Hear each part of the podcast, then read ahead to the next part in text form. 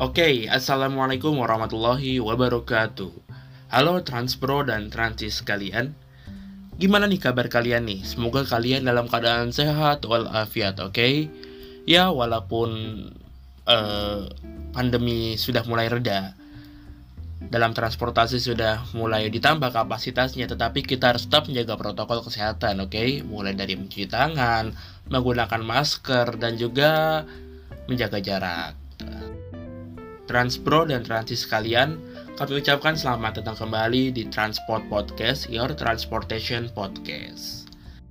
Kali ini kita akan bahas tentang Sulawesi. Nah, apa aja sih? So, stay tune terus ya.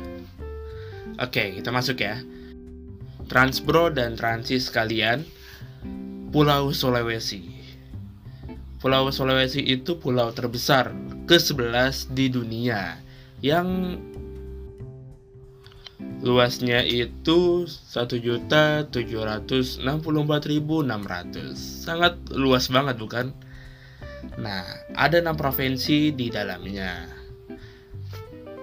Konektivitas itu gimana? Konektivitas antar provinsi di Pulau Sulawesi itu bisa dilalui dengan jalan lintas provinsi yang membentang sepanjang Pulau Sulawesi dari selatan sampai ke utara maupun dari timur ke barat.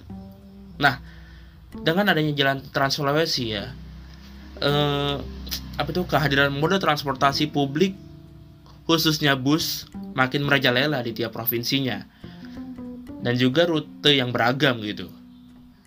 Ada berbagai rute bus lintas antar kota dalam provinsi atau kita sebut AKDP ataupun rute bus lintas antar kota antar provinsi atau biasa kita sebut AKAP yang tersebar di banyak di Pulau Sulawesi ya dengan berbagai pelayanan dan memanjakan para penumpang gitu. Baik dari segi sarana bus ataupun juga prasarana bus. Nah ya. Untuk membahas lebih jauh eksotisme bus Sulawesi kita kali ini kedatangan narasumber nih yaitu Celebes Bis Lovers atau CBL dengan Mas Didi Ramadansyah di sini. Tapi sebelum kita lebih dalam membahas tentang eksotisme bus di Sulawesi. Tak kenal maka kenalan lah. Nggak, nggak, tak kenal maka tak sayang. Oleh karena itu kita mau kenalan dulu nih sama komunitas CBL Celebes Beast Lovers. Nah nah itu gimana sih? Mulai dari kegiatannya terus juga sebenarnya komunitas ini tuh apa sih Nah, monggo Mas. Ya, salam kenal ya. Saya uh, salah satu admin dari Celebs Bus Lovers. Uh, ini kita komunitas yang kita anggapnya komunitas dalam tanda kutip orang gila, Mas. Ah, betul. komunitas yang kalau di Sulawesi itu jarang peminatnya sebenarnya. Iya bang betul sih. Kan orang kan pada hobi yang eh, mobil sport atau apa motor atau apa.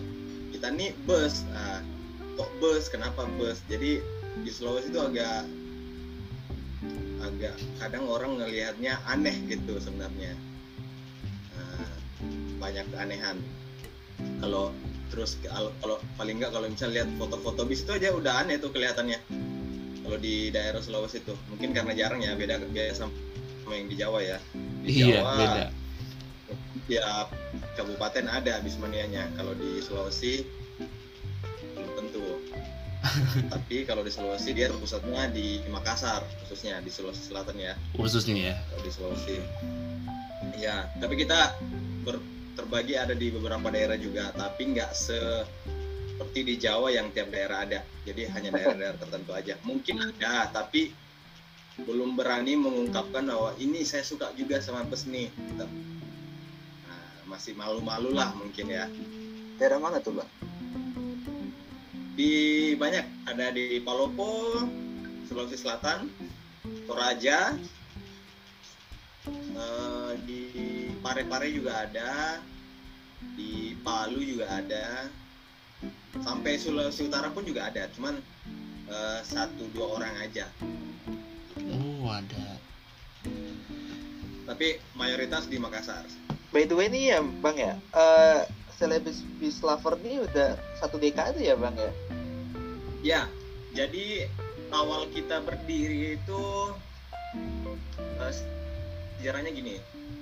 Kita itu berdiri 2011 ya, 22 eh, Juni 2011. Lama juga. Juni 2011. Eh, awal berdirinya itu berawal dari sosial media aja. Eh, jadi kita ketemunya kita ketemunya ada ada sebuah forum dulu, forum Bismania Indonesia ya. Kita Iya. ketemunya di situ ketemunya di situ eh oh ternyata ada nih di Makassar. Di ah ini janjian lah kita ketemu. Nah, Hmm, oke. karena janjian ketemu itu akhirnya ngumpul-ngumpul-ngumpul. Lah kita bentuk lah yang namanya Celebes Beast Lovers.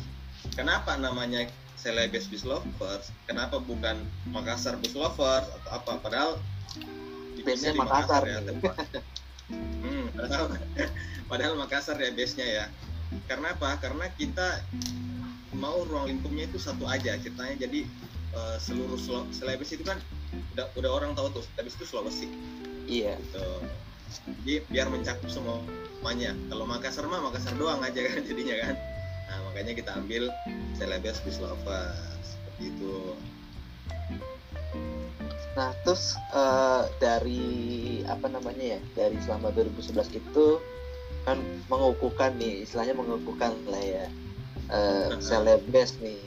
Jadi ruang lingkupnya itu satu pulau Sulawesi gitu. Nah terus eh, tadi sebelumnya juga udah bilang nih eh, Bang Didi nih eh, ada juga beberapa apa ya adminnya ya di di daerah-daerah lain ya bukan cuma di Sulsel doang ya.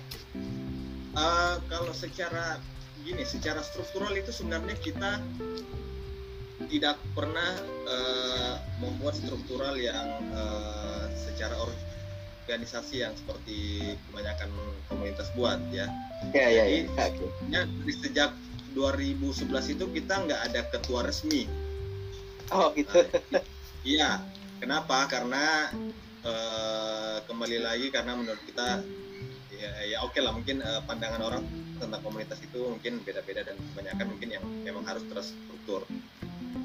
Eh, kita awalnya awalnya ada rencana untuk buat seperti itu tapi eh, karena masih banyak kesibukan ini jadi kadang untuk mengrealisasikan itu ini. Soalnya rata-rata orang kerja mas. Oh. jadi belum ada ya tapi kebetulan eh, untuk eh, apa kebanyakan saya yang diamanahkan begitu karena Oh, kebetulan secara experience saya yang terlalu sering terjun ke PO ke ke pokoknya untuk eh, bis itu karena saya sering bergaul sama owner sama kru jadi teman-teman sering mempercayakan ke saya tapi tidak ada bata apa tidak ada sekat antara kita bahwa ini ini si ini sebagai ini tidak ada kita semua sama aja gitu. Iya. Mas Oke, sebagai mantap, walaupun mantap. saya mungkin sebagai admin aja juga di sosial media ya Siap. Nah kalau kegiatannya eh, dari CPL ini nih suka ngadain ini nggak sih? Biasanya kan Bismania kan ngadain trip trip gitu tuh bang. Nah itu suka ada kayak gitu nggak sih? iya dang tapi agak jarang sih karena mungkin karena kesibukan itu tapi kadang juga tapi Kadang nggak rutin ya rutin justru awal malah awal awal terbentuknya kita itu kenapa kita ambil 22 Juni 2011 sebagai tanggal eh, first time berdirinya CBL itu? Karena itu kita touring gitu ke ke ke Toraja habis itu ke Palopo. Oh. Nah itu makanya itu touring perdana ceritanya. Oh, Oke. makanya kita di tanggal itu. Kita ingat banget tempo hari kita ke Toraja itu naik PO Manggala Trans. Oh, Manggala, iya. kita. ya Manggala Trans terus eh, ke Palopo naik mobil apa mobil angkot lah ceritanya kalau di ini ya. Kita naik karena dari Toraja ke Palopo itu dua jam. Nah, nggak ada bis besar atau apa soalnya jalurnya juga agak sempit ya agak kecil ya. Nah habis itu dari Palopo baru kita balik ke Makassar lagi. Kebetulan seingat saya kita tempo hari naik PO Karisma Transport Oke, eh pengen nanya nih bang, di kalau di tahun 2022 ini, di tahun ini ya khususnya ya, ada tren terbaru nggak sih untuk bus akap atau nggak AKDP di Sulawesi itu? Kayak baik rute atau ada rute baru atau armada baru gitu? Hmm, kalau khusus di 2022 ini ya, pada dasarnya sih kalau pertama kalau dari segi rute nggak ada rute baru sih karena eh, rute yang ada itu ya itu itu aja sebenarnya. Paling paling kebanyakan itu rute Makassar Toraja, Oke. Makassar Palopo, hmm, Makassar Soroako, Makassar Palu juga ada, Makassar Mangkutana, Makassar Malili.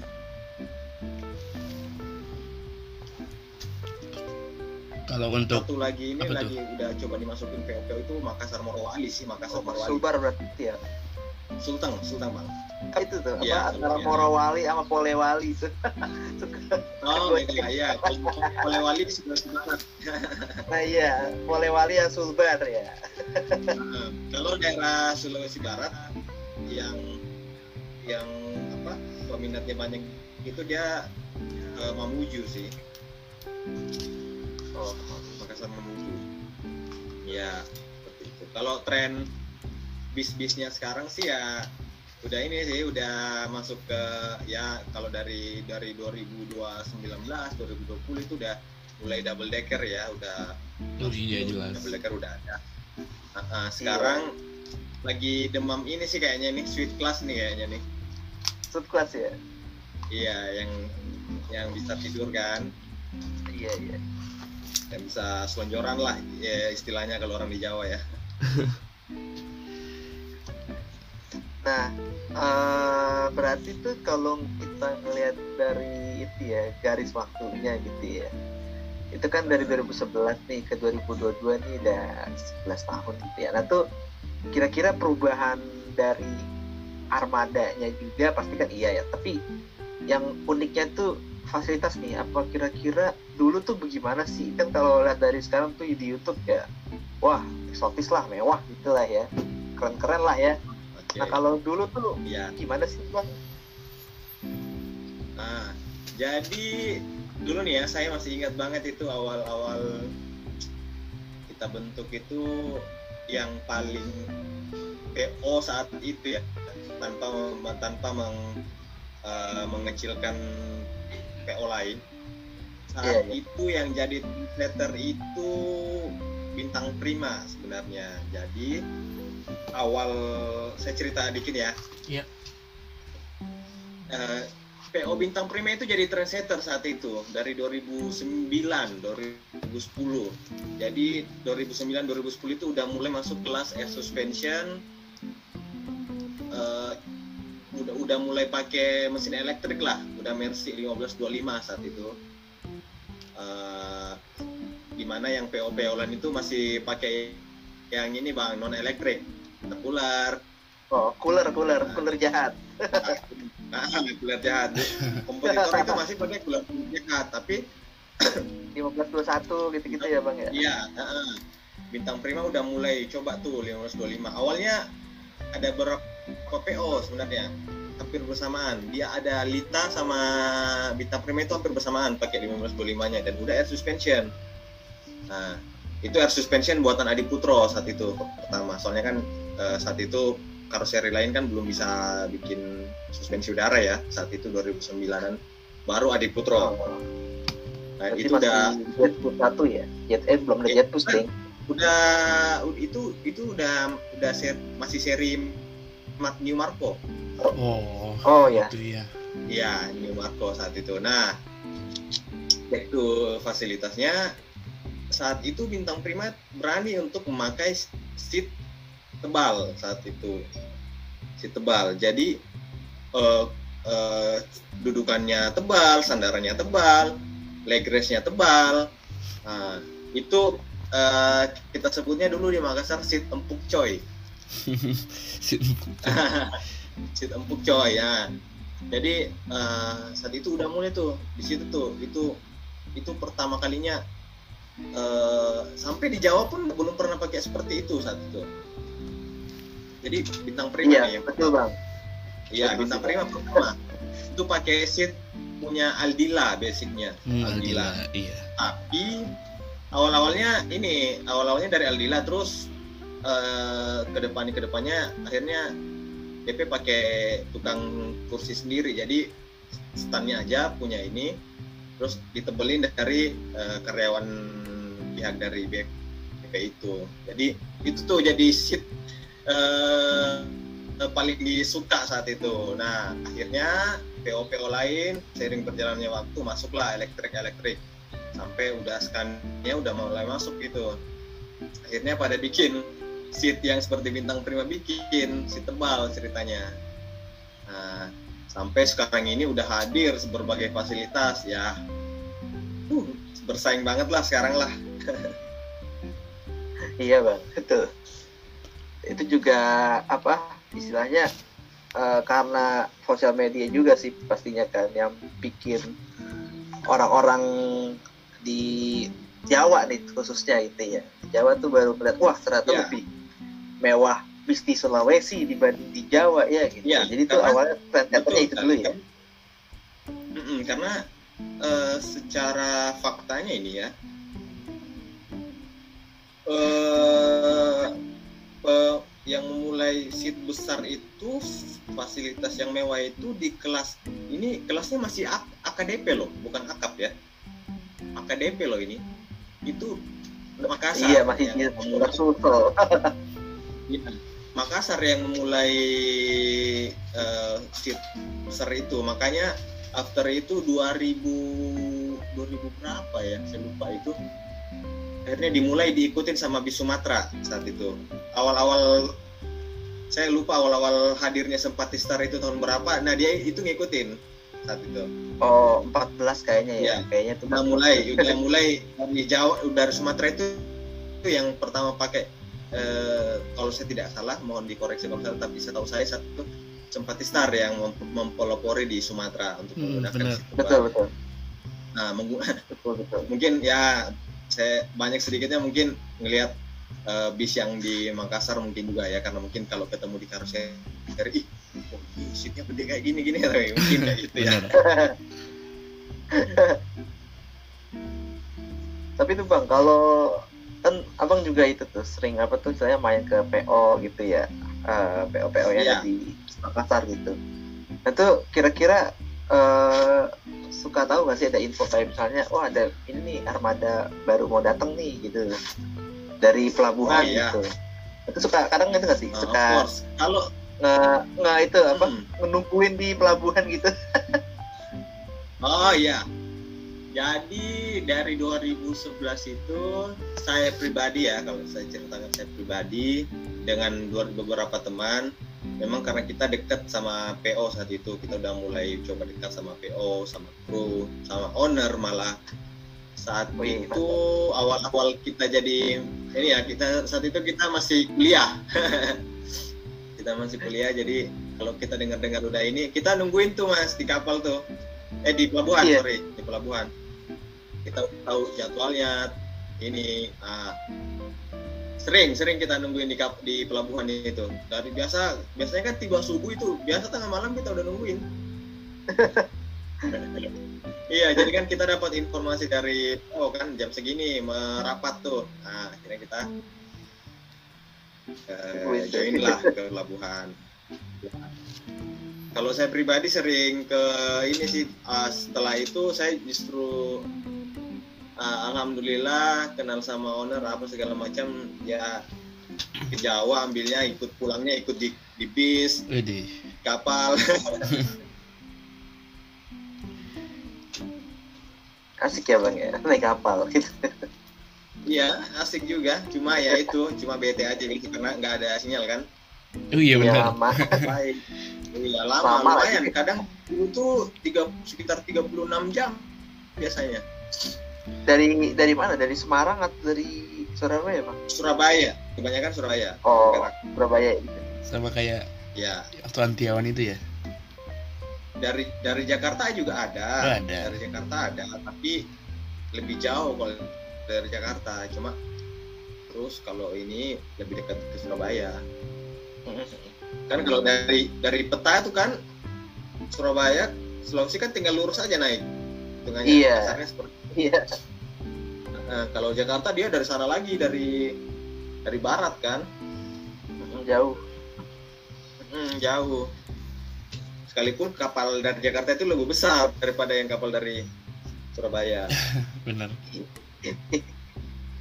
Nah nih bang kalau mau diobrol lagi nih lebih dalam lagi nih ya. Nih boleh tahu nggak sih kalau di Sulawesi itu ada perusahaan atau bis atau PO tuh apa aja gitu terus kan selama ini sih yang lagi ngetren-ngetren tuh kan kayak Borlindo terus Metro Permai terus apa Primadona Lita itu bintang prima terus itu rata-rata kan banyak kan yang basisnya di Sulawesi Selatan gitu ya nah tuh kalau misalnya ada yang basis-basis di Sulawesi Tenggara gitu atau Sulawesi Utara atau Tengah gitu tuh apa aja sih gitu. Tuh Nah, terus juga Oh, punya keunikan apa aja sih dari tiap-tiap si PO itu gitu loh. Oke, baik ya. Kalau di Sulawesi Selatan itu eh, so far banyak banget sebenarnya PO ya. Tadi sudah disebutin seperti saya sebutin yang PO-PO legend eh, awal-awal dulu lah ya di, di Oke lah. Sulawesi Selatan. Kalau yang Sulawesi Selatan itu base-nya Makassar itu yang sudah cukup lama itu Lita. PO Lita, PO Liman, Pipos, Mm-mm. Alam Indah, eh, Garuda. Garuda ini dulu namanya 237 namanya PO Garuda ini. 237. Habis itu ada eh, Putrajaya, ada Primadona, ada Metro Permai, ada Manggala Trans, ada Borlindo, ada Katulistiwa Trans. Katulistiwa Trans ini dia Makassar Palu dia. Terus ada Bintang Timur, ada Remaja Jaya, ada Raja Wali, ada apa lagi ya? Ada Sinar Muda, ada Bintang Katulistiwa. Banyak, banyak banget. Itu yang dominansi itu. rata-rata arahnya ke utara semua ya bang Iya, dia itu arahnya ke ini. Eh di jadi di Makassar itu ada dua ini, ada yang ke utara, ada yang ke selatan. Ke selatan ini nah ini dari Makassar ke Selayar. Pernah dengar Selayar? kepulauan dong tuh Iya, ke Pulau Pulau Selayar. Jadi Selayar. dia itu paling, paling bawahnya Pulau Sulawesi itu dia paling bawah. oh iya iya Makassar Selayar itu ada, namanya banyak eh, PO Aneka, PO eh, Sejahtera, PO Sumber Emas, New Sumber Emas Murni, banyak. Nah kalau dia itu dia nyebrang kapal dia nanti dari dari Makassar dia ke Bulukumba, dari Bulukumba dia nanti nyebrang kapal ke eh, Selayar itu. Kalau nggak salah, soalnya saya belum pernah naik kapal. Kalau nggak salah sekitar dua jam kayaknya nyebrangnya itu. oh, oke ke daerah-daerah kayak di- iya. itu ada ya bang Ah itu itu dia udah melewati rute itu bang. Dia dari Makassar Oh. itu dia otomatis ya Iya otomatis. Nah, terus kalau dari daerah Su- Sulawesi Tenggara, kalau Sulawesi dari Maka dari Sulawesi Tenggara yang langsung direct ke Makassar itu sebenarnya tidak ada habis, jarang. jarang Oh ya orang itu kebanyakan dari Toraja ke Kendari. Kendari itu kan Sulawesi Tenggara ya. iya iya Itu katanya ya. Itu ada banyak pilihan, tapi rata-rata mobil kecil sih. Ada satu big bus tapi eh, cuma dia pemain big bus kalau saya tidak salah. Namanya PO Batu Tumunga dia. Dia juga pemain Makassar Toraja sebenarnya, tapi dia yang mengakomodir ke Sulawesi Tenggara untuk big bus. Yang lainnya itu banyak rata-rata pakai bis medium dia yang 3 per 4 Ada PO Keti, PO apa lagi ya? Eh, banyak lah. Terus kalau di Sulawesi teng- teng- tengah dari Palu misalnya, dari Palu ke Sulawesi Utara, Manado, dia ada PO Harvest dia, ada PO Harvest, itu yang paling terkenal Harvest. tapi keunikannya sendiri kalau di bis-bis Sulawesi Tengah ke Utara itu uh, tidak sehedon kenyamanan bis-bis Makassar ya. Iya iya. Iya.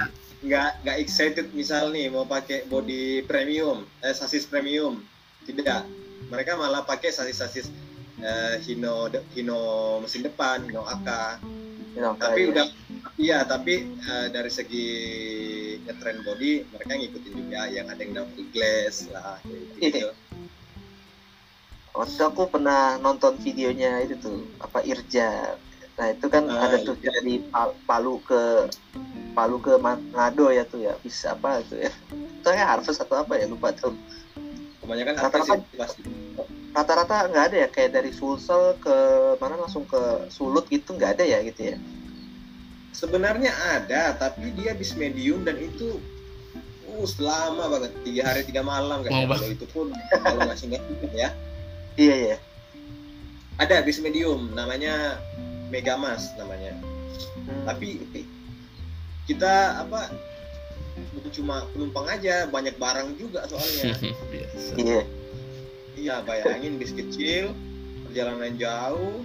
Oh kalau saya sih nggak nyaranin ya. Tapi kalau ada yang mau coba buat experience ya why not? Nggak apa-apa Iya sebenarnya. Nah, tapi kalau tapi kalau saya pribadi nggak dulu deh kayaknya kalau mau cobain mending naik pesawat aja sih bang. Ya saya justru saran itu kalau dari Palu ke Manado. Tapi kalau Oh, iya. Makassar, dari Makassar itu kan bisa kita bisa estafet mas. Kalau dari misal dari kita dari start ke, dari Makassar mau ke Manado ya. Heeh, ke Palu dulu gitu ya ya misal dari Makassar mau ke Palu ada banyak opsi. Eh, ada Katulistiwa Trans ada ada sekarang ada Pipos juga udah masuk tuh. Eh, ada Liman ada Borlindo juga kalau nggak salah. Dia Palu masuk Palu juga. Banyak opsinya. Nah kalau di nah nanti sampai di Palu tuh baru lanjut lagi eh, pindah bis lah ceritanya kan tapi jangan nggak itu paling besoknya baru lanjut. Soalnya perjalanan Makassar Palu juga lama hampir 24 jam. Kalau ke apa daerah Poso itu ada juga? Ada Makassar Poso ada. Yang Ada. sekarang yang melayani itu Makassar Poso itu Lita PO Lita. Oh Lita Lita. Betul PO Lita tapi dia lewatnya via ini sih kebanyakan dia dia lewat eh, apa dia tidak lewat Sulawesi Barat dia dia tetap lewat Sulawesi Selatan lewat jalur Mangkutana habis itu langsung terus naik sampai ke Poso Hmm. Berarti lewat daerah mana tuh bang? daerah Palopo dia arahnya Ya, oh. Palopo dia. Palopo ya. Daerah-daerah Sorowako itu yang banyak banyak, banyak tambang Iya. itu ya. nggak sampai Suroko sih Le- Suroko nggak dilewatin dia cuma lewatin Mangkutana aja Aku tahu. Iya. Daerah-daerah yang banyak tambang itu ya bang ya. ya uh, Bang, maaf mau nanya dah. Siap. Ke kan udah ya sering nonton trip report youtuber lah di YouTube. Kalau di Sulawesi itu nggak ada toiletnya tuh. Itu alasannya kenapa sih? Ah, oke. Dulu awal-awal PO PO dulu itu sekitar 2009 2010 itu masih pakai sebenarnya. Mm-mm. Tapi setelah 2011-an 2011 iya sekitar 2011 itu sudah nggak pakai lagi dengan alasan eh, kebersihan sebenarnya agak agak bau pesing biasanya karena ya orang semua nggak sama ininya ya nggak sama bersihnya ya ceritanya. Kadang ada yang ada yang nyiram ada yang enggak gitu. Jadi biasa baunya sampai ke kabin. Oh gitu, iya. Gitu. makanya jarang itu ada. Makanya sekarang kalau ditanya kenapa ini eh, nggak ada ya karena itu baunya. Terus misal ada yang bertanya eh, bagaimana dong kalau kita mau pipis nah itu di eh, sampaikan aja ke krunya nanti dicariin paling biasanya itu dicariin masjid atau eh, SPBU untuk dibuat dikasih singgah seperti itu Oke oke. Nah terus kebanyakan tuh di Sulawesi itu pakai eh sas eh bukan sasis tapi tuh karoseri New Armada. Ya kita tahu lah ya New Armada tuh harganya lebih tinggi gitu. Nah itu kenapa bang? Kayak unik banget gitu. Sementara di Hmm, Jawa, sebenarnya di Jawa tuh sebenarnya jarang.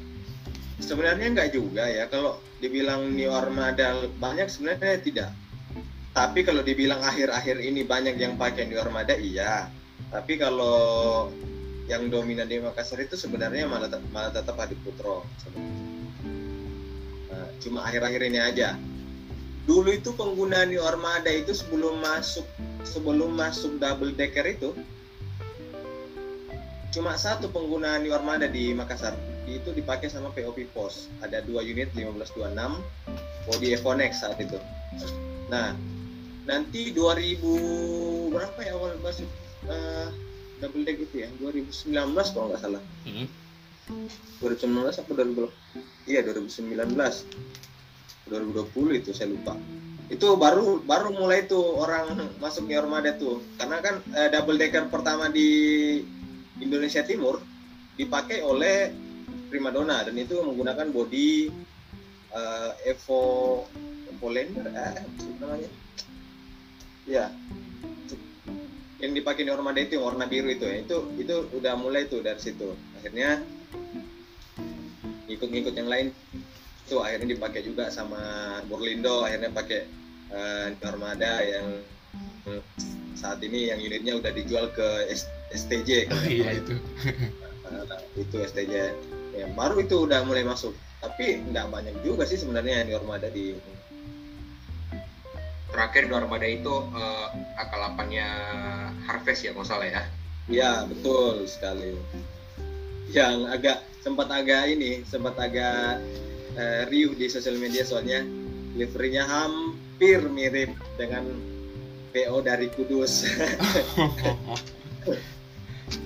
Iya iya. jadi ma- manianya sering apa serang tuh ininya. Iya. ada masih aja nyerang-nyerang sih.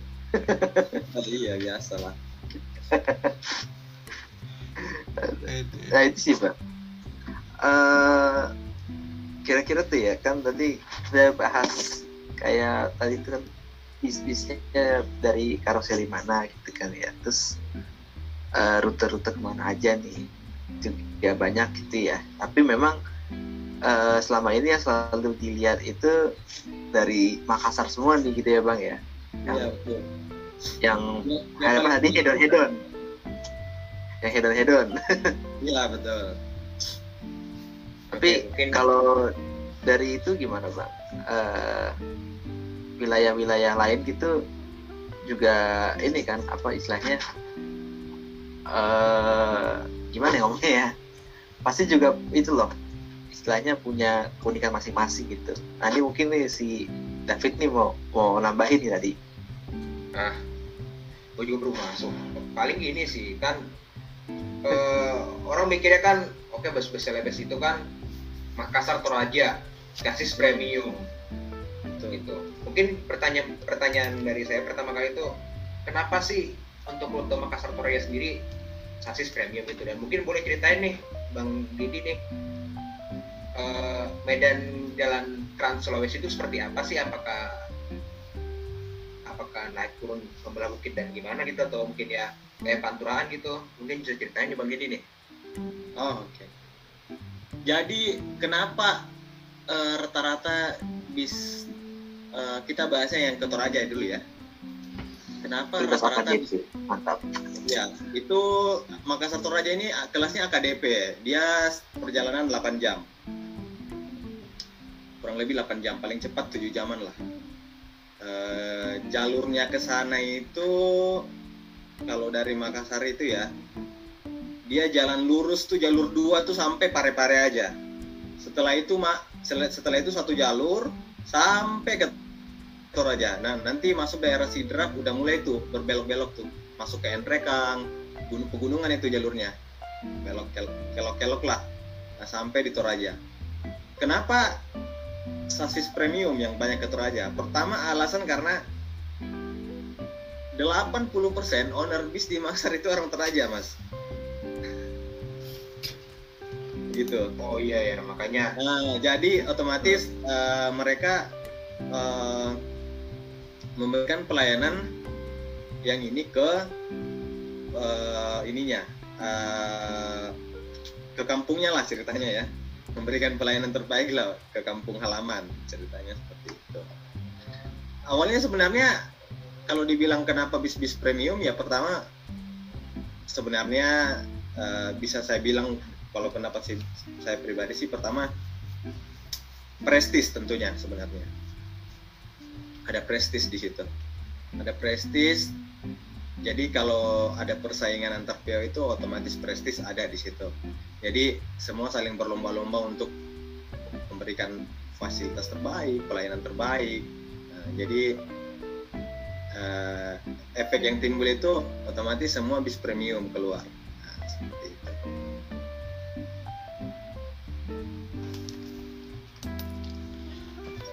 oh dia juga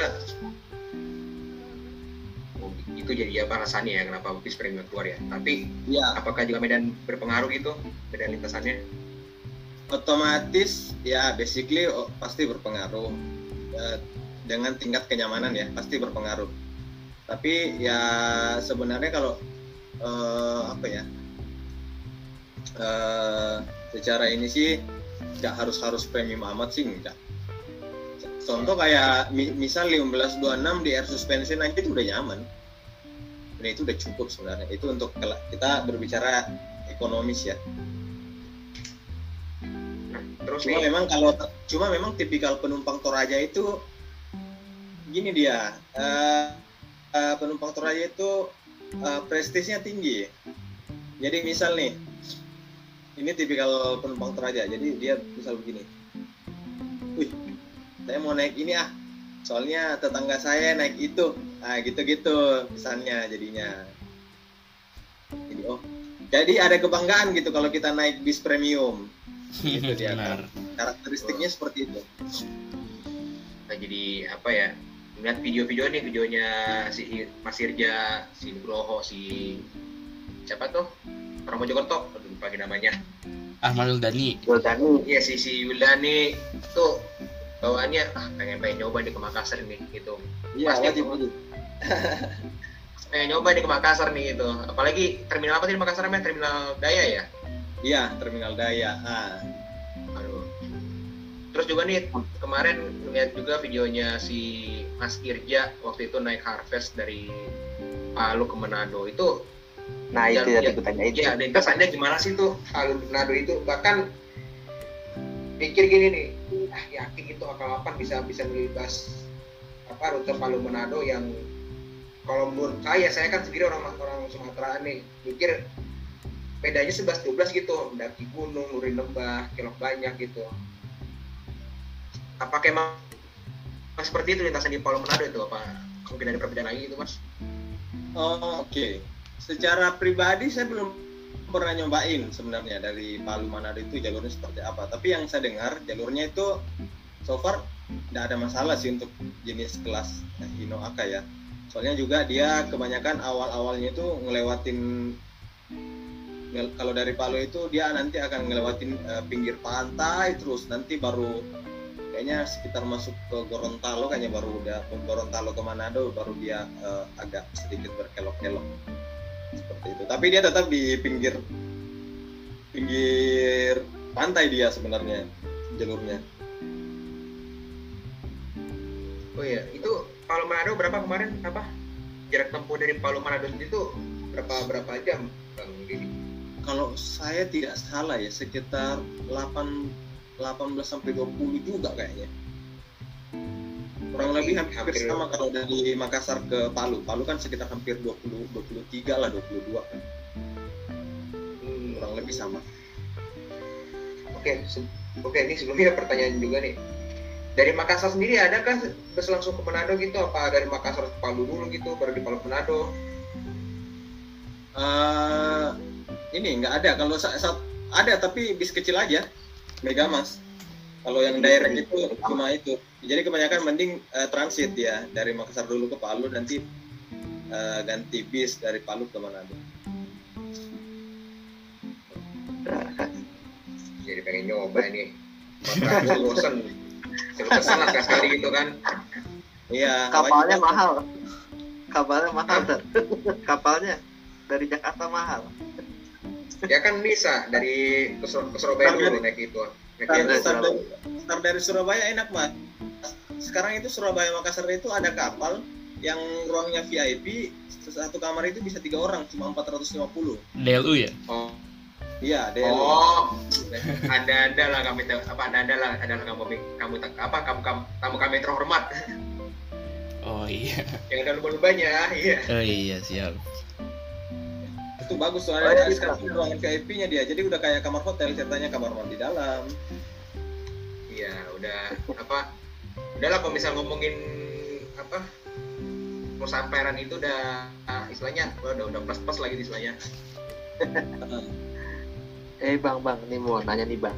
Eh, tadi kan eh, abang bilang eh, rute Makassar Toraja itu kan prestisius ya karena salah satunya banyak owner-owner PO yang ada di Makassar itu orang Toraja. Nah, kira-kira nih kalau agak sensitif sih dikit nih, kayak ngomong persaingan bisnis eh, antara PO ini itu kan pasti bersaingnya eh, terutama dalam hal pelayanan dari Ya. sisi eksterior eksterior itu baik itu kayak chassisnya ataupun Ya. interior dari ya itulah seat dan Ya.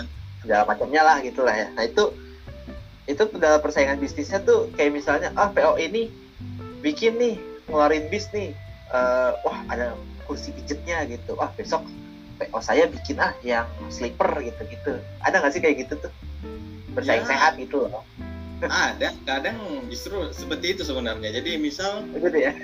Iya jadi misal eh, ini keluarin double deck ah keluarin juga ah double deck kayak gitu gitu gitu ya iya makanya warna-warni itu Ekstra prestige itu ya memang kembali itu tadi. Jadi penumpang itu ngelihat. Jadi ibaratnya gini, PO di Makassar itu punya langganan langganan masing-masing ceritanya seperti itu.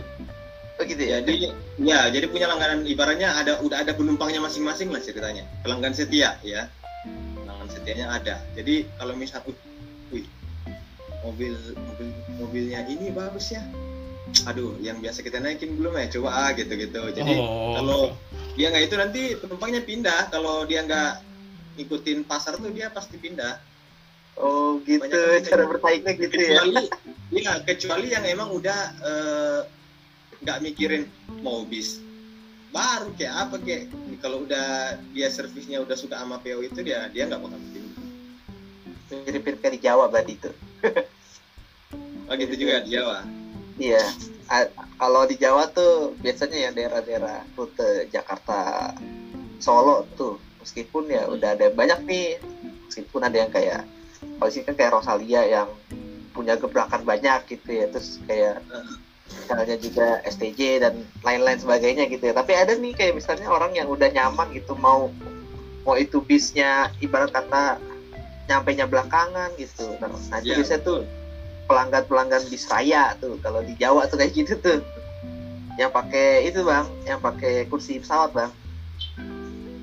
Kursi iya pesawat iya iya bisnis itu ya mirip-mirip berarti ya bang ya kira-kira ya. Ya. budaya budaya apa namanya Mirip. budaya orang penumpang gitu kayak misalnya PJKA tuh pulang Jumat kembali Ahad juga sama ya bang ya Iya, iya betul. Kalau dari sini itu eh, Jumat paling di sini ada namanya malam Senin. Nah, hari Ahad itu kan kalau dari Makassar ke daerah itu rata-rata dan sebaliknya itu pasti bis pasti full. Mungkin di hampir semua daerah di Indonesia mungkin juga kayak gitu juga ya. wah Liga malam Senin berarti itu Iya, sama tuh iya, mungkin. Nah, besok kan orang pada masuk kerja karena di situ kalau mau eh, ngelihat bis lagi trek-trekan enakan sini tuh malam Senin tuh. iya ya oh sepanjang lintas Iya. itu ya lintas Makassar Parepare berarti ya Iya, lintas Makassar Parepare. Apalagi it- itu ya betul. Apalagi kalau dari daerah. Kalau dari daerah sebenarnya tidak terlalu ngeburu ini. Kalau dari daerah itu justru ngeburunya bandara dia. Hmm. Penumpang bandara yang eh, burunya dia. Apa ibaratnya ada penumpang nih, dia mau naik pesawat tuh di Makassar. nah itu dia pasti kalau dari daerah pasti agak cepat dia banyak ya bang ya yang apa ke langsung ke bandara ya berarti iya langsung masuk bandara dia berarti ada itu kayak transit pointnya gitu dong di bandara tuh antara akap sama ya bandara gitu sama pesawat gitu lah. Eh, sejauh ini enggak langsung aja. Jadi misal kita langsung eh, bis masuk itu langsung drop di di, eh, di dekat pintu keberangkatan. Karena kalau di gitu Jawa tuh kayak, jarang. kayak, iya. kayak efisiensi itulah efisiensinya Jogja Prokerto Iya. yang lewat JIA iya tapi kalau di Jawa kayak gitu-gitu jarang gitu loh. Mm, kalau di sini ini si- sistemnya seperti itu. Terus keunikan yang lain tuh kalau di bis Makassar itu kalau dari daerah itu masih menjemput dia mas penumpang. oh ya Ya di Jawa nggak gitu kan?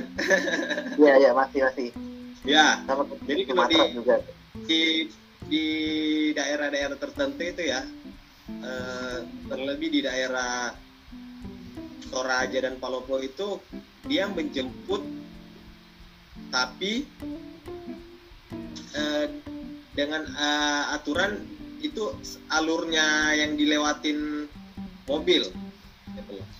Masih bisa dilewatin bis itu masih bisa dijemput kadang-kadang.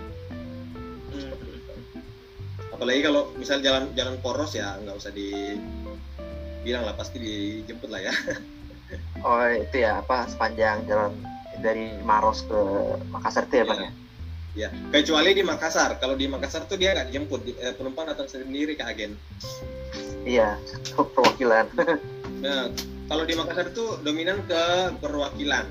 Ken- kenapa? Ini yang saya mau ini yang saya mau coba angkat sedikit ya. Mungkin ini mungkin bisa dibantu juga sama teman-teman transport podcast ini ya. Kendala di Makassar itu ya kenapa orang sering naik di agen itu? Karena sorry to say fasilitas terminal yang ada di Makassar itu belum cukup memadai. Mungkin harus perlu ditingkatkan lagi. Pertama dari segi kenyamanan keamanan masih kurang cukup baik untuk sekelas kota Makassar yang notabene pintu dari Indonesia Timur. Oh iya benar. Makanya pernah di, di vlognya Mas, Mas Tito nih dia bilang kalau mau naik ke Toraja itu usahakan naiknya dari Aceh Mm, jangan dari. Dewan Daya karena tadi soal keamanan soal keamanan sih lebih tepatnya sih permasalahan waktu itu tapi sekalipun kita ya, tapi ya dia bilang kan sekalipun kita beli jadi apa sekalipun juga beli dari perwakilan juga tetap ada diumpan ke sana gitu kan ke Dewan Daya naiknya. Ya. dulu dulu ada seperti itu aturannya tapi kalau saya nggak segala kalau saya nggak salah sekarang udah nggak lagi jadi dulu itu ada aturan penumpang tidak boleh naik di agen memang oke secara aturan memang sih sebenarnya nggak boleh ya naik di agen ya karena ada namanya terminal. Tapi bukannya orang bukannya orang nggak mau naik di terminal sebenarnya. Cuma karena masalah itu tadi yang saya bilang. Orang nggak nyaman nggak aman merasa nggak itulah. Jadi dulu itu waktu aturan harus itu penumpang naik di servis diantar pakai mobil servisnya PO masing-masing dari perwakilan. Jadi nanti pas mobilnya mau berangkat dari agen bisnya dari agen baru juga penumpang diangkat. Jadi biar nggak lama nunggu di terminal. Seperti itu. Jadi bis bis nih dari agen ke terminal itu lari, eh, kosong. Nanti di dalam baru pada naik tuh yang di yang dari agen yang diantar pakai mobil servis tadi itu. Hmm, paham paham paham berarti mirip-mirip kayak di Jawa juga sih bang. Kan juga banyak yang naiknya dari agen gitu. Tapi Iya. mungkin kalau yang dibandingin ya sama yang di Jawa kalau ngelihat tadi kan denger nih terminal di sana tuh eh, mungkin dibilang faktor keamanannya kurang gitu ya. Nah kalau di sini sih sebenarnya mungkin ada faktor keamanan yang kurang tapi lebih kayak posisi si terminal itu terlalu jauh sama pusat kota jadi ya lebih enak naik dari agen aja gitu naik agen kan tinggal di Iya, iya. tengah-tengah kota mampir naik udah selesai gitu ya mungkin kayak gitu juga kali ya bang ya Ya, termasuk itu salah satu itunya sih. Tapi kalau sekitaran Makassar itu sebenarnya belum tergolong terlalu jauh lah kalau terminal itu sebenarnya. Tapi karena Iya. mem- masalahnya juga nih ya, Nah betul juga. Kenapa di Makassar nih rata-rata kenapa lebih suka naik di agen? Karena jalur ke jalur ke terminal itu ngelewatin agen. jadi, iya sih Jadi mending naik ah di agen aja. iya Nah gitu. sama kayak di Jakarta juga gitu sih bang Hmm.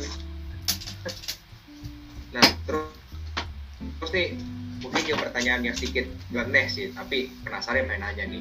Kenapa bis Makassar itu identik dengan yang namanya toko roti? Toko roti. Iya, jadi toko roti Maros ya iya Oh. kalau misalnya ber- kalau misalnya berangkat ke luar Makassar nih pasti berhenti toko roti. Ada yang misalnya Ini. Oke, kenapa eh bis Makassar identik dengan toko roti, tepatnya di Maros? Ah, ada berbagai alasan. Pertama itu toko roti Maros itu jaraknya dari Makassar nggak jauh, paling sekitar berapa kilo aja gitu kan. Dan itu eh, sama dengan sama halnya jaraknya dari bandara Sultan Hasanuddin ke Maros itu dekat. Nah, alasan pertama karena di Roti Maros itu salah satu tempat checkpoint untuk PO. Ah, checkpoint. Jadi di, di situ ada checkpoint. Oh, ada yang cek oh sekian penumpangnya, sekian itu. Sekaligus untuk tempat beli oleh-oleh tentunya. Karena itu Roti Maros itu kebanyakan sebagai oleh-oleh untuk ah, keluarga lah di kampung halaman ya. Iya. Terus alasan lainnya karena kadang banyak penumpang yang tiba misal dari luar daerah yang landing di bandara itu mobil masih bisa tungguin di Maros ceritanya misal nih misal Mas udah mendaftar Oke. Mas dari Jakarta Mas dari Jakarta. Tibanya landingnya jam 9 pesawat jam 9 malam. Pesawat eh, bis kan bis Makassar Toraja Makassar Palopo itu rata-rata berangkatnya di jam segitu jam 9 malam. Jadi kalau landing itu Mas bisa langsung direct ke Roti Maros aja.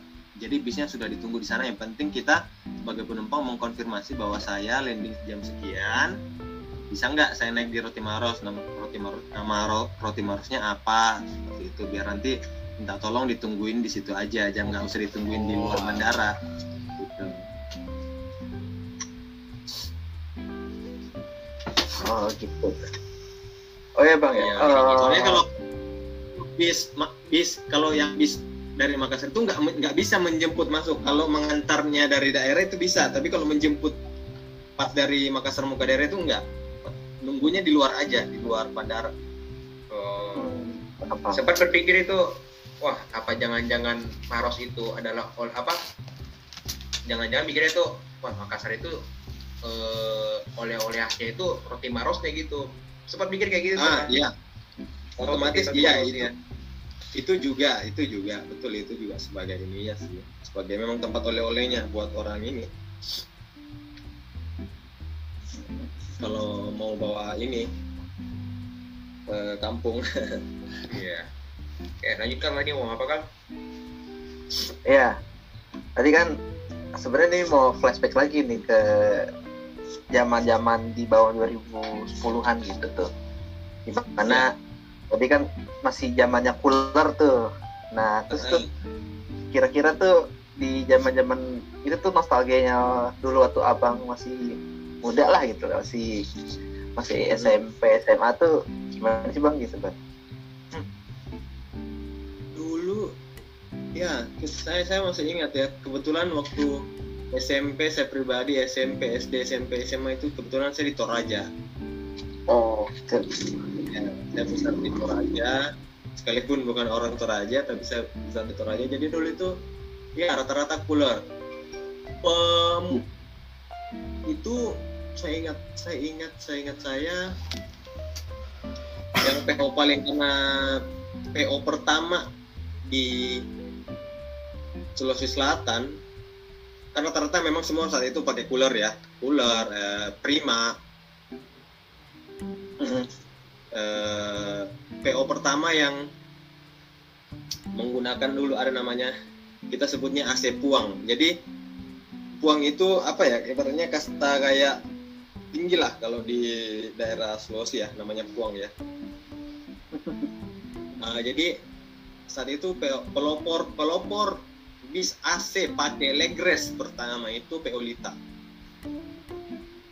Saat itu. Litako iya Litako itu saya ingat banget liverynya dia gambar panda sama penguin. Itu disebut AC puang saat itu. Hmm, soalnya pakai legres. Nah, ibaratnya puang itu oh kita kan angkat kaki tuh kan nah itu jadi kayak wah tinggi nih derajatnya kita tinggi nih ceritanya Gitu. Nah, rata-rata PO pakai intercooler, pakai intercooler. Dulu malah ada pakai Mitsubishi apa segala macam ada. Macam-macam berarti ya. Iya, macam-macam. Cuma yang sampai saat ini itu yang jarang itu sebenarnya Hino. Hino itu jarang. Ada ada beberapa tapi jarang. Enggak. Enggak, enggak. Kalau dibilang average-nya PO pakai itu enggak. Hmm. hampir sama lah kayak Sumateraan Ya, mentok tuh ya mentok-mentok tuh Hi- Hino tuh cuma mentok sampai Jambi Jambi ke atas sampai sampai Aceh itu kebanyakan pakai Mercy ya stereotip orang-orang lah orang mikir ah Hino tenaganya ngepos mending beli Mercy Ih, tenaga segini Betul. masih bisa nanjak gitu betul. Eh, ya. Makanya berarti eh, keunikannya macam-macam ya. Jadi kalau ngata eksotismenya itu berarti kan ya tadi kan ada yang pakai kursi pijet, terus lagi sleeper sleeperan nih abang nih, terus ada yang yang sampai pakai kasur beneran juga ada gitu kan ya. Jadi di Makassar itu berbagai fasilitas ada. Saya sebutin. Ada yang pelopor pelopor sleeper bus di Makassar itu bintang prima. prima. Nah, dia dia punya dulu awal dia bikin seperti itu dia pakai dia pakai konfigurasi ada sekitar 16 seat biasa itu tebal jaraknya juga jauh antar kursi satu dengan yang lain itu dari bagian depan sampai ke tengah nah dari tengah itu nanti diisi sama sleeper. Emang kasur dia kasur ibarat mirip persis ranjang susun. Modelnya. Dibuat seperti itu. Ada awal-awal dia bikin itu ada 8 kasur. Saat itu. Dengan dengan dengan eh, menggunakan sasis yang di extend yang tidak seperti biasanya. Boleh dicek nanti di di Instagram atau di mana ada namanya sleeper bus kayak bintang prime itu panjang banget padahal pakai sasis. Ada yang dipakai sasis 1526 panjangnya di panjangin di tengah sampai 13 meter tuh total panjang mo- mobil tuh. Hampir sama tonton panjangnya Iya ya. Tapi tapi Makanya nggak tronton. dapat- iya makanya dapat 8 kasur itu. Itu pelopornya terus yang dimulai dengan kayak ada pijat-pijat kaki itu primadona pelopornya Hmm. Iya. kalau PO pertama yang menggunakan tronton 2018 itu Putrajaya dan Lita itu bersamaan saya ingat karena kebetulan saya pergi jemput itu di Jakarta dipakai body RS saat itu Oh Rahayu. ya jadi Putrajaya pakai jadi Putrajaya pakai Scania K410 ah tahu-tahu bersamaan Lita juga rilis 2542 dari Malang Adi Putro ah ketemulah di pelabuhan sama-sama naik kapal. Pas turun di Sulawesi juga sama-sama mendarat tronton. Itu sejarah sih. Berarti eh, double decker sendiri itu Borlindo ya kalau nggak salah. Oh. eh Borlindo Primadona ya primadona yang pakai Ev- Evolander. Ya Evolunder biru itu. Iya. Itu pertama. Manta ya salah Setelah ya. itu di- setelah itu dipukul sama yang Parimanta yang di mobil di pameran itu. Habis itu Borlindo beli juga. Nah Di situ Metro Borlindo, Metro Porma juga beli satu. Sampai sekarang juga masih ada satu. terakhir nih info geger geden nih. Yang soal apa katanya bakal ada lagi ya Jetbus 3 SDD ya. Kalau nggak saya beli itu PO apa dari perusahaan tambang ya. Itu benar apa enggak tuh? Nah kalau itu itu kan support by Sinarjaya, jadi ada kontrak antara Sinarjaya dengan PT Vale. seperti itu. Jadi sinar sinar jaya otomatis mensupport itu mobil. Saya juga udah lihat fotonya. Kalau nggak salah dia pakai 2542 itu versi 2542 sinar jaya ya. Jadi kita bisa luruskan ya. Jadi sebelumnya udah ya gimana? Jadi buat kelas buat klasis nih yang mungkin udah ngeliat foto apa udah udah, ngeliat videonya kenapa di apa foto-fotonya kenapa dia upload sama koran sinar ya ini jawabannya gitu. Ternyata PT Vale sendiri disupport sama sinar. Ya Ya, ada ya. kontrak Jadi, setahu saya ada ada kontrak. apa biar diluruskan lagi tuh biar diluruskan itu beritanya. Hmm, ada kontrak di antara mereka. Ya, karena mereka yang support transportasinya kalau nggak salah ya. Soalnya sebelumnya itu udah mereka Sinar Jaya udah mensupport eh, 1836 RS ada berapa unit gitu menggunakan body X XHD Prime Laksan Hmm, berarti mirip-mirip itu juga sinar jaya kalau nggak salah juga jadi ini loh apa? Eh, operator konsorsium bis kota di Makassar tuh teman bus? Kalau oh iya betul betul. Teman bus juga Heeh. disupport sama Sinar Jaya iya makanya. Hmm, betul betul. Nah, terus oke. Mungkin kalau ngomong keunikan tapi udah gitu ya. Terus eh, rute-rute juga udah gitu ya. Kayak tadi yang masih banyak diminati itu rata-rata ya ke daerah Toraja ya, ke daerah Luwu, Palopo ya, eh, pokoknya ke arah Sulawesi Selatan ke utara itu rata-rata batasnya sih sampai Palu gitu ya. Iya, Palu betul. ataupun Sulbar juga daerah-daerah Mamuju, Polewali juga ada ya. Iya. Tapi kalau yang langsung ke Sulawesi Utara gitu jarang. Apalagi juga dari Makassar ke selatan lagi juga banyak juga yang nggak di ini ya bang ya. Nggak nggak terekspos ya. Iya. jarang banget terekspos ya. Banyak banyak. Masih banyak yang tidak terekspos. Uh, uh, apalagi ke daerah-daerah ya apa tuh di Sulawesi Tenggara tuh daerah-daerah uh, Wakatobi ya kalau nggak salah ya daerah-daerah Banggai gitu nggak ada juga. Ah ya Kolaka, Konawe gitu itu juga belum juga terekspos itu. Ya betul. sekarang yang lagi itu ya itu Makassar Morowali juga udah mulai soalnya eh, karena faktor tambang di Morowali ya. Uh, uh, Sorowako juga ya bang ya kalau salah ya? Ya Soroko juga. Sekarang kalau Soroko rata-rata bis premium juga udah mulai mewabah ya. Ini lagi ada salah satu pendatang baru juga nanti dia. Kalau nggak salah jalurnya Soroko dia. Sorowako Ya, ada ada bakal ada pendatang baru nih tapi dia pakai Mercy 1626 Tantrum. Oh iya siap. Nah mungkin dari Azam ada tambahan lagi Zam? cukup kalau dari gue aja. Nah em, udah benar-benar banyak nih ya penjabaran seluk beluk dunia bis di Sulawesi nih dari tim CBL nah kalau dari abang sendiri nih punya harapan nggak apa aja sih terkait yang memajukan dunia perbisan di Sulawesi misalnya kayak infrastrukturnya terutama Oke. nah itu kayak gimana bang Oke, saya pribadi dan mewakili teman-teman Siap. di CBL. Harapannya itu kita tuh sa- sa- cuma satu, satu aja. Memangnya infrastruktur itu harus dibangun sebenarnya. Kenapa infrastruktur itu penting? Iya Pertama tentang kenyamanan, kenyamanan keselamatan sebenarnya.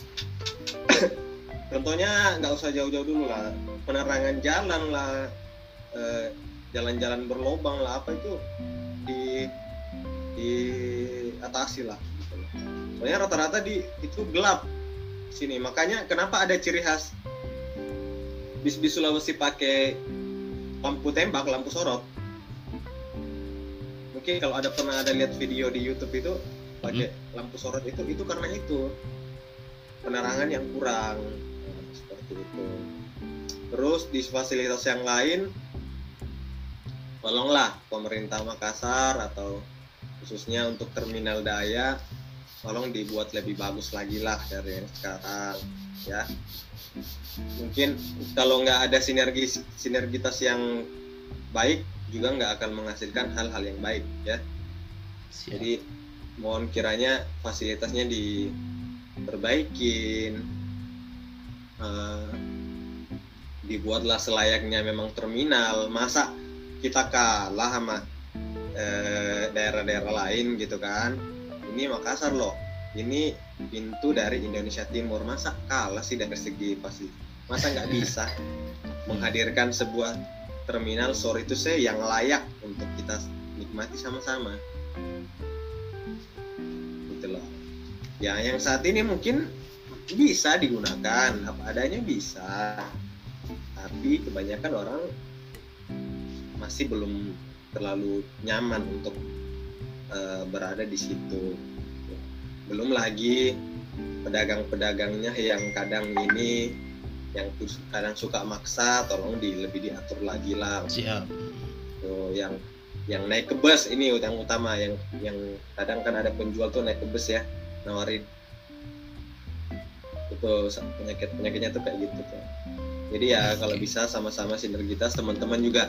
Teman-teman dari CBL juga selalu, selalu berupaya member- memberikan uh, impact positifnya apa yang bisa diberikan buat masyarakat edukasi tentang apa pun baik itu yang di dalam bis kita selalu mencoba mensu- men- men-share melalui sosial media atau bahkan eh, dari mulut ke mulut kalau kita lagi ketemu atau apa kita mencoba berkontribusi untuk itu Siap. Ada lagi bang? itu aja sih Oke, terima kasih bang udah dari Pak, di bantu up aja itu ininya fasilitas eh, terminal. Oke oke oke. biar biar didengar lah. Karena bukan bukan terminal itu bukan bukan CBL aja yang buat nikmatin. Bukan bukan si A si B. Tapi Semuanya. semuanya nikmatin. Coba kalau kita punya terminal kayak di mana tuh? Kalau saya lihat itu di Solo ya yang keren ya. Wih keren tuh Solo, Pulau Gebang. kayak udah kayak bandara ada trolleynya Eh. ada apanya ya masa oh, daerah lain bisa kita nggak bisa gitu. Nah itu. oke lah mungkin nggak semudah membalikan telapak tangan tapi kalau kita punya ada kita ada usaha ada niat ada sinergitas yang baik nothing impossible buat kita semuanya Benar-benar. Nothing impossible. Oke, terima kasih kepada Bang Didi perwakilan Ya, dari.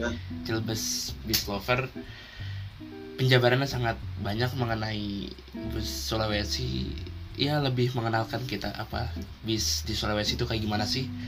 Nah, kepada Transbro dan Transis juga terima kasih telah mendengarkan episode ini. Semoga bermanfaat dan langsung cus aja ya kita coba bis di Sulawesi. Oke, sekian dari ditunggu ya teman-teman Nah, ditunggu. transport eh, ditunggu ya di Makassar ya Oke, siap Bang. Dari kami, kami akhiri. Wassalamualaikum warahmatullahi wabarakatuh.